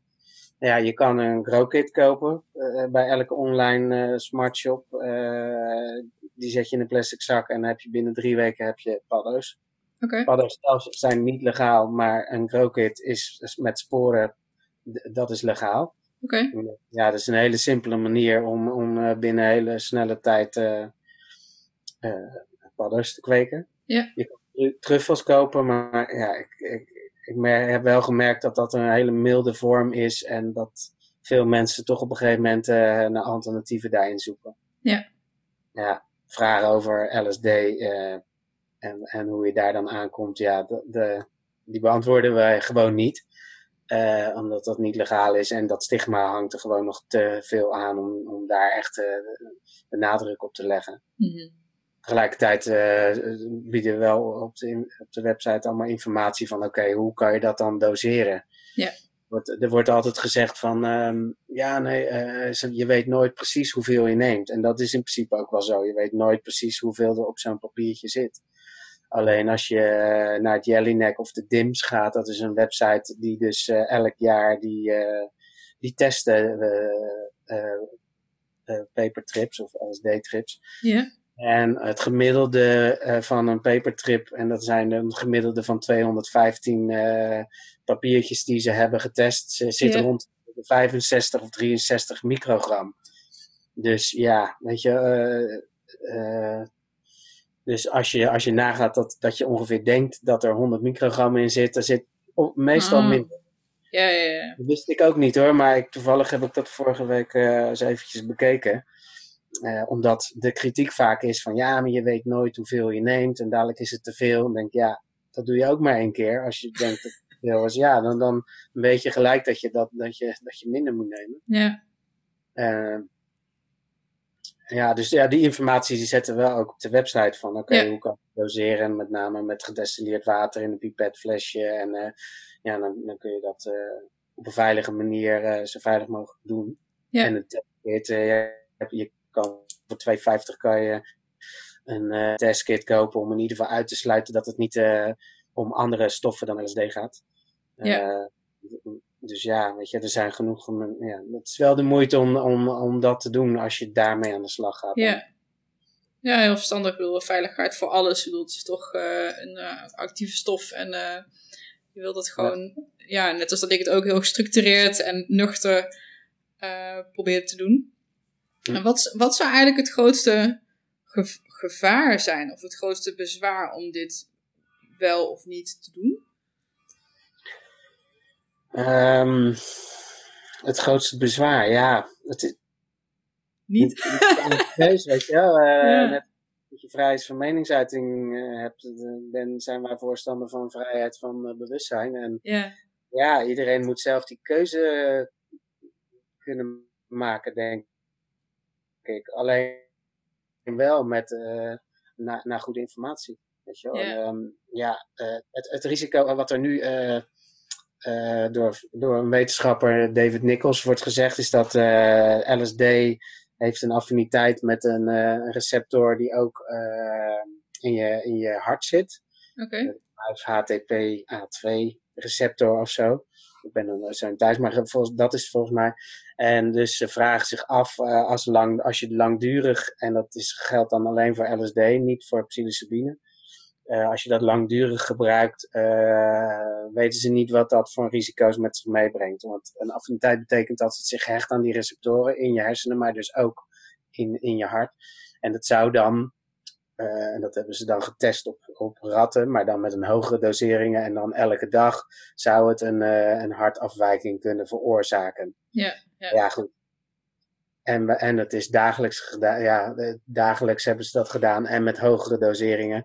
Maar dat is ongeveer nu het enige risico waar, waar, ook, waar ze, waar, waar ze hebben. over praten ja, en wat ja. moeite om wel te onderzoeken. Ja. Maar goed, ja, wij zijn natuurlijk groter dan ratten en, uh, en, en de, de, de, hoeveelheden zijn dusdanig kleiner. Hmm. Ja, dat me afvraag of dat. dat uh, maar ja, daar kan ik gewoon geen uitspraak over nee. doen. Waarom ja, is het heel simpel. Altijd goed om je wel uh, gewaar te zijn dat, dat er mogelijk risico's zouden kunnen zijn. Maar goed, die zijn er ook met de lucht inademen als je in een drukke stad woont. Of weet je, ja, ja. ja, niet om het te bagatelliseren, absoluut niet. Want het is echt wel, en dat heb ik ook gemerkt, uh, een psychoactieve stof. En is niet iets waar je gewoon lichtvoetig mee, uh, mee om moet gaan. En, ook, en, zeker niet als quick fix of leuke avond of, ja. of dat soort dingen. Maar goed, dat, dat soort publiek trek ik gelukkig ook niet aan. Nee, ik, vroeg, ja.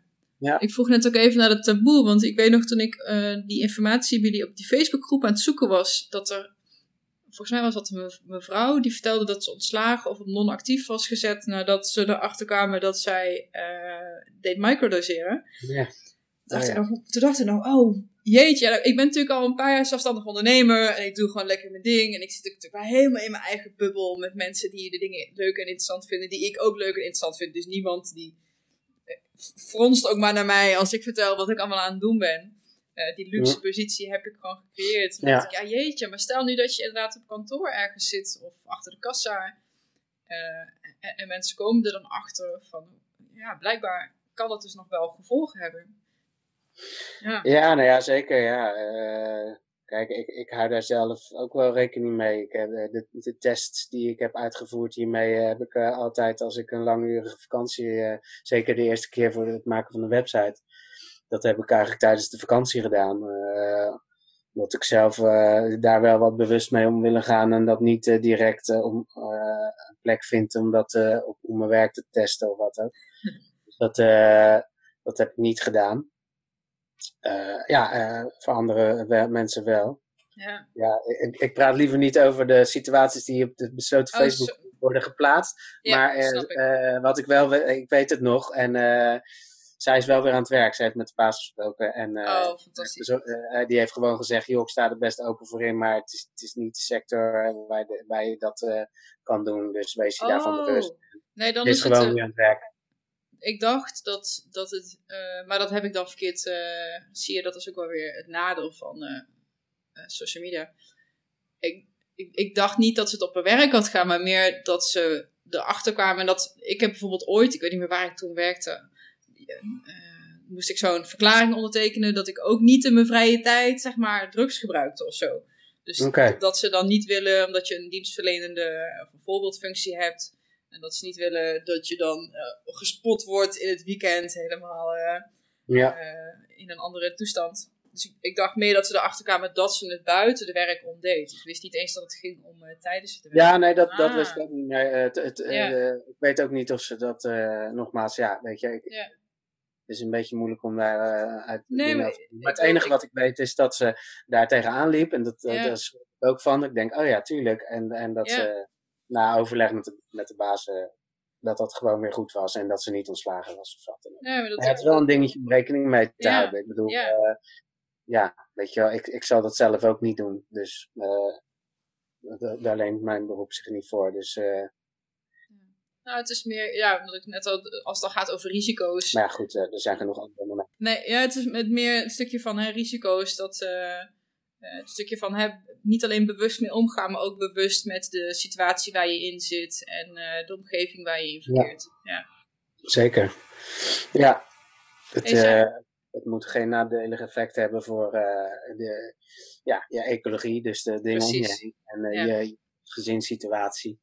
Is ook wel een dingetje leuk om, of niet leuk, maar interessant eh, om, te, om aan te stippen als gevaar. Kijk, als je zelf op ontdekkingsreis daarin gaat en eh, je hebt een partner, eh, dat is hetzelfde als ik noem maar wat, je gaat naar een spirituele workshop of een NLP-opleiding, wat ik dan gedaan heb, merkte ik gewoon van ja, je, gaat je ontwikkelen. En als je dan eventueel microdoseert, en, en soms denk je van hé, hey, ik ben helemaal goed en ik heb connectie met alles en iedereen. Maar je partner is natuurlijk tegelijkertijd wel een heel goed klankbord. Om, dat, om te vragen van, is dat wel zo? Ervaar jij dat ook zo? En, en wel handig om, om, om die daar ook bij te betrekken. Want ja, ik, ik sprak met, een, ehm, met eh, een kennis van mij die zei van, ja, het is allemaal wel leuk en aardig. Maar mijn vriend ervaart het allemaal wel als een eh, ontwikkeling. Maar ik vind het eigenlijk helemaal niet. En eh, we, raken juist meer verwijderd van elkaar. En ik vond het wel een heel interessant ding van, hey, neem je wel eh, je, partner daarin mee. Niet dat diegene, dat dat ook moet proberen, maar het is wel belangrijk om dat eh, in acht te houden, van, dat je daarover blijft communiceren. Ja, absoluut. Ik sprak gisteren een dame in de, de podcast. Die heeft een boek geschreven over. over ehm, zo. ik wilde zeggen over transformatie, maar pimp je perceptie, zo heet het. En toen hebben we het er ook over gehad van. ehm, dat je soms kan merken dat je, je je ouders overstijgt of je vrienden overstijgt. En niet dat jij beter bent, maar je, je, je perceptie verandert. Je, hoe Ja, jij de realiteit ziet verandert. Ja. En ehm, hoe erg is het als, als mensen daar niet in mee kunnen gaan? Ja, het is wel heel vervelend als je een partner en kinderen hebt en eh, je was niet van plan om, om, om gescheiden wegen te gaan. Maar dat is wel iets ja, wat gewoon gebeurt als je op zo'n pad van ja, ontwaken eigenlijk zeg maar zit. Ja, zeker. En dat, dat, geldt, dat geldt inderdaad niet alleen voor microdosering, maar ik heb wel gemerkt dat dat ook daarvoor geldt. Dus dat is wel Ja. echt. eh, ik heb ook gevraagd daarna of zij daar een verslag over wil schrijven, want wij verzamelen ervaringsverslagen van mensen die het dan doen. Ja. Maar ja, tegelijkertijd is het dus ook interessant om dan een verslag van, van eh, de partner in dit geval, die het dan niet doet, eh, van hoe ervaar jij het dan? En is het wel zo wat, wat iemand dan allemaal ervaart? Van, oh ja, bijvoorbeeld, ik, ik ervaar meer empathie naar mijn kinderen toe, dus ik kan meer in hun belevingswereld zitten. Maar eh, ervaart mijn vrouw eh, dat wel? Of dat Mhm. echt zo is? Snap je? Het, het kan in mijn belevingswereld zitten, maar is dat dan ook wel zo? Ja. Dus het, ja, dat is wel eh, leuk om te ontdekken van, oké, eh, vraag je dat eens af of eh, vraag dat eens aan, eh, aan je partner. Zodat je betrokken met, bij elkaar blijft en niet eh, van elkaar verwijderd raakt. Ja. Door onbegrip of, eh, of wat ook, ja. de main takeaway, wat ik een beetje, ook om hem af te ronden, is uit het gesprek meekrijg, is dat het een heel veelbelovend iets is waar voorzichtig mee omgegaan moet worden. Maar, en wat ik zeker, als je ervoor open staat of deze kant op wil, zeg maar, ook qua Nee, ik zeg het verkeerd. ik probeer tegelijkertijd te praten en te denken, terwijl ik mijn Mhm. gedachte nog niet helemaal af is. Maar-? Ehm, ja, wat, eigenlijk waar je hem helemaal in het begin mee startte, dat het een, eh, een, eh, een manier is. De lange termijn effecten op het gebied van zelfontwikkeling en zelfactualisatie zijn heel veelbelovend. En de, de, de korte termijn, de directe effecten zijn mooi, tof, fantastisch, leuk. Alleen waar in mijn ogen de meerwaarde zit, zit maar in dat lange termijn stuk. Ehm, met daarbij de dingetje van, blijf kritisch, blijf nadenken, eh, blijf in contact. eh, en blijf je goed voorlichten vooral ook. Ja, Ja, nou ja, goed, eh, zeker wat jij ook heel goed hebt gedaan. Ik denk dat je dat of van het protocol van Fadiman of van de website van ons. Of uh, nou ja, het boek wat er geschreven is, A Really Good Day. Zij uh, van Ayet uh, Waldman. dat is een bestseller, eigenlijk het eerste microdosing boek wat er is. En ja, zij hield ook een dagboekje bij. En ik denk dat dat heel goed is. Inzichtjes, realisatietjes, wat je op een dag meemaakt. Om dat eventjes in korte woorden op te schrijven. Ja. En, en jezelf een beetje een doel houden van, oké, okay, wat, is, uh, wat is dan een patroon of, of een vraagstelling, uh, dat je jezelf een vraag stelt voordat je het doet. Dat je echt gewoon bewust als tool dat gebruikt. Ja. En dan denk ik dat je op de lange termijn er wel wat aan kan hebben. Ja. En als je het wel maar doet en uh, het gaat aan je voorbij, ja, dan wordt het weer zo'n quick uh, fix ding. Waardoor je inderdaad misschien niet eruit haalt wat erin zou kunnen zitten. Ja. En, en dat is wel het overal, ja, wat we sowieso proberen. Ik heb er ook een, een, een, pagina over geschreven over meer halen uit microdosing. Ja, Ja. dat is eigenlijk geput uit al mijn inzichten wat ik zelf toe tools wat, waar ik zelf aan gehad heb en wat ik heb geprobeerd te integreren in, uh, in, in, dat hele microdosing verhaal. Ik noem maar uh, jezelf niet zo serieus nemen. Dat, daar heb ik bijvoorbeeld heel veel aan gehad. Maar het is ook best wel, uh, Eckhart Tolle zegt het ook een keer in zijn boekje van, hey, één goede spirituele oefening is neem jezelf niet zo serieus. Hm. En daar bedoel ik mee, dan, dan worden je gedachten ook wat luchtiger. Want als je de hele tijd maar denkt dat, dat je gedachten, dat, dat je dat bent en je identificeert je met je gedachten de hele tijd ja, dat kan heel zwaar zijn en dat kan heel erg uh, oogkleppen visie uh, creëren. Uh, ik noem maar wat, dus dat Ja, en daar heb ik een stuk over geschreven. En eh, ja, weet je, dat is wel de moeite om, om dat een beetje mee te nemen. Dan wordt het Ja. echt een tool voor eh, bewustwording en mindfulness het kunnen noemen. Maar Ik eh, bedacht me net ineens, ik heb eh, tijdens dat eerste protocol heb ik elke avond heel kort een, eh, een videodagboekje bijgehouden. Eh, Ik heb dat nog geen. Ik wilde daar een vlog van maken, maar een van de dingen die ik heb gemerkt dat ik. eh, vloggen is niet mijn medium. Maar ik heb die, eh, die filmpjes nog. Ik denk dat ik die aan het einde, voor de mensen die dit op YouTube gaan eh, kijken, dat ik eh, mijn dagboekje. Voor mij zit de schop achter de kont om hem eindelijk af te maken en hem eh, te posten. Maar dan ga ik hem aan het einde van dit, dit Oké, filmpje ja. posten. oh, dat is wel leuk. Ja. Ja, nou dat is dus wel de, de, de truffel, het truffel-experiment Mhm. waarin, ik dus, eh, waarin je dus ook mij eh, volgens mij ook ziet huilen of in ieder geval geëmotioneerd Ja. ziet zijn. Maar als je daar nou zo achteraf aan dacht, hè, denkt, dan Ja. je gaf toen aan van ja, daar zat ik niet op te wachten en eh, dat huilen en dat, eh, dat dat het met zich meebracht, weet je. Hmm. Maar hoe, hoe kijk je daar nou op terug? Hè? Is dat dan wel waardevol geweest of heb je zoiets van nee, dat wil- ik wilde niet dat de hele tijd aanraken en daarbij komen, daar had je... Ik heb toen op dat moment, want ik was toen eh, in eh, Winterberg eh, bij Jan Geurts, heel toevallig op een retraite. En ik was nog een, ben toen een week langer gebleven en toen heb ik dat protocol verder doorgezet. Dus dan heb je eerst die periode met die groep en dan ook even die weken eigenlijk daar in mijn eentje. Nou, ik ben heel veel en graag alleen, dus dat was op zich niet het probleem. Ehm, maar dan wordt wel het verschil ineens heel erg duidelijk. En ik had toen op een gegeven moment iets van, ik kwam terug van een wandeling. En toen weet ik dat ik daar tegen iemand eh, op dat centrum zei van... Ik ben klaar met mijn spirituele pad. en dan niet van, ik ben af, maar meer van, ik ben nog wel Ja, je bent er klaar mee. ja, Dat ze ook lachen. ja, En dan, ja, en denk ik, ja, maar als, als dit nu mijn default mode network is, wat zeg maar minder actief is, en er zit dus verdriet onder, en dan dacht ik, oeh, jezus, misschien is het helemaal niet in bewustzijn of spirituele bagage, maar heb ik gewoon een soort van chemische disbalans. Ben ik net als mijn vader ook gewoon wat vatbaarder voor depressie. En mijn takeaway toen was, ik moet gewoon goed voor mezelf gaan zorgen. Ik kan wel gaan graven en dingen op Mhm. willen lossen en reflecteren, maar misschien moet ik gewoon op tijd naar bed, goed eten, elke dag mediteren. el- En gewoon zorgen dat die chemische balans in mijn hoofd, want wij Ja. zijn gewoon machientjes, eigenlijk, biologische Ja. dingetjes. Moet ik daar gewoon goed voor gaan zorgen en het niet zoeken in Ja. hogere zaken. Dus ja die, eh, toevallig zei ik het gisteren nog tegen mijn vrouw. Dit, dit is het jaar van het lichaam. Weet je, ik ben ook geneigd om eh, eh, hè, eh, als een soort, eh, mijn lichaam als een soort automatisch eh, pilootje daar aan te hobbelen. Maar juist die lichaam en geest in verhouding brengen of in evenwicht brengen, eh, is, is ja, dat gronden, dat aarde, dat is natuurlijk net zo belangrijk als eh, alles maar uit willen vogelen wat je, wat je wil verwerken. Misschien, weet je, het was gewoon misschien een beetje information overload in jouw Ja. geval. Dat je denkt, ja, misschien net even iets te veel. En ik denk als je, als je dan in je lichaam of je, hè, dat, dat, dat je gewoon weer dat, dat onder, gaat onderhouden, dat, dat de rest ook weer vanzelf Ja. komt. En dat je dan Ja. weer sterk genoeg bent om weer een klein stukje verder Dus- te Zeker te weten. En eh, dat is natuurlijk een reden dat ik nu bijvoorbeeld naar Peru ga in, eh, in februari.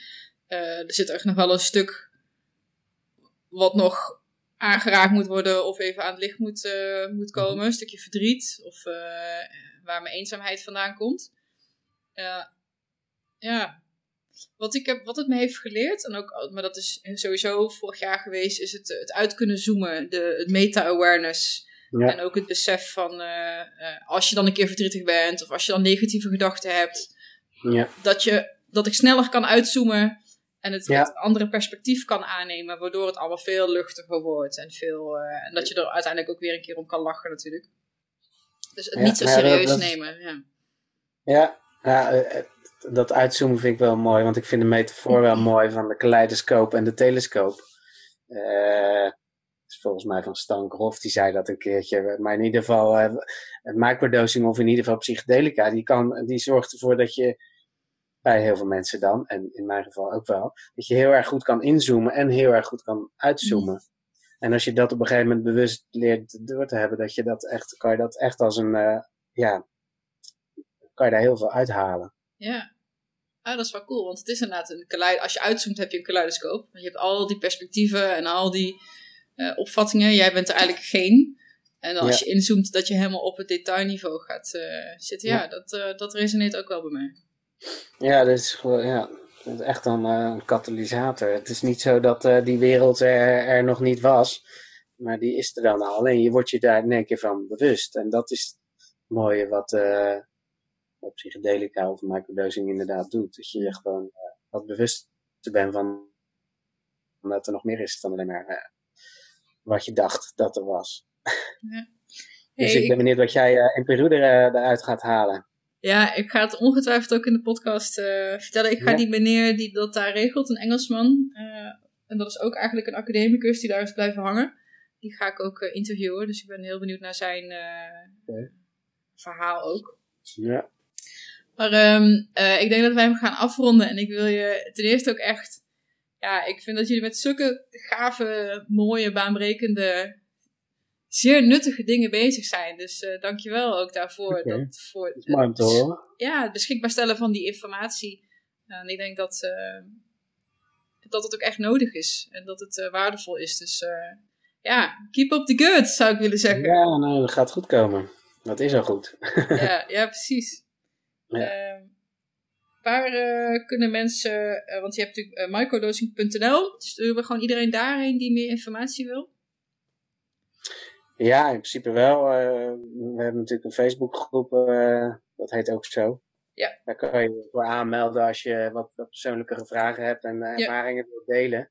Dat is eh, echt wat we merken, dat daar gewoon een platform is. En eh, of, eh, dat, ja, mensen hebben daar echt behoefte aan. Ja. En mensen hebben ook weer, merken we ook echt behoefte aan één op één contact. Dus eh, niet eh, maar via de chat en eh, dat soort dingen. Dus we organiseren ook meetups. De Wat eerste meetup was afgelopen november en er kwamen meer dan 70 mensen op af. En wij vonden dat heel veel. En, maar goed, je merkt echt gewoon, mensen willen gewoon daarover praten. En niet direct alleen maar achter de computertje, maar echt gewoon met elkaar.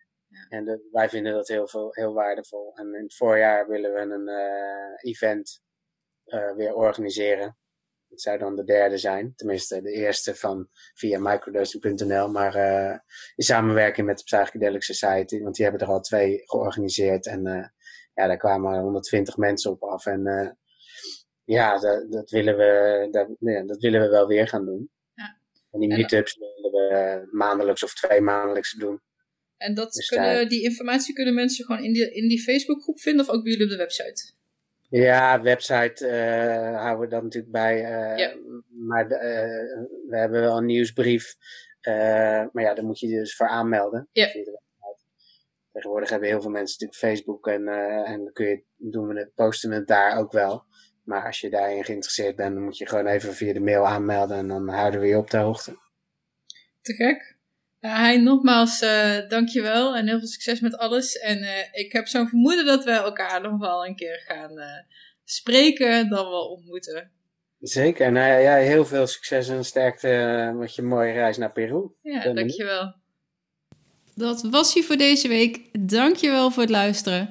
Zoals je hoorde in het gesprek had ik beloofd om ook mijn eigen microdosing avonturen te delen. En was er een videofragment waar hij het over had. Nou, beide clips, dus zowel mijn uh, videodagboek en ervaringen, uh, vind je op de post die bij deze aflevering hoort. Dus ga naar www.transformatie-academie.nl. Daar vind je alle podcastafleveringen en dus ook de linkjes en de video's waar wij het over hebben. Dus neem een kijkje. En vond je dit een toffe aflevering? Uh, er zijn echt meerdere plekken om met mij te connecten. Dat kan op Facebook, Instagram. We hebben een uh, Groep. Uh, moet even goed zeggen, dus geen Facebookpagina, wel een groep. Um, je kan je uiteraard uh, abonneren op de podcast, een rating, een review achterlaten. Voor elke 5 sterren rating doe ik hier een dansje in de woonkamer. Real story. ik zal de volgende keer dat ik dat doe, zal ik het even filmen, dan kan je het zien. Dus dankjewel voor het luisteren en voor alle hele toffe reacties die ik tot nu toe heb mogen ontvangen. Het is, we zijn nu vier maanden met de podcast bezig en ik krijg steeds meer hele toffe comments en uh, berichtjes van mensen. En dat waardeer ik echt, echt, echt enorm. Het is voor mij een teken dat ik dit uh, vooral moet blijven doen. Dus uh, dank je wel voor je waardering en voor je aandacht. En ik spreek je volgende week.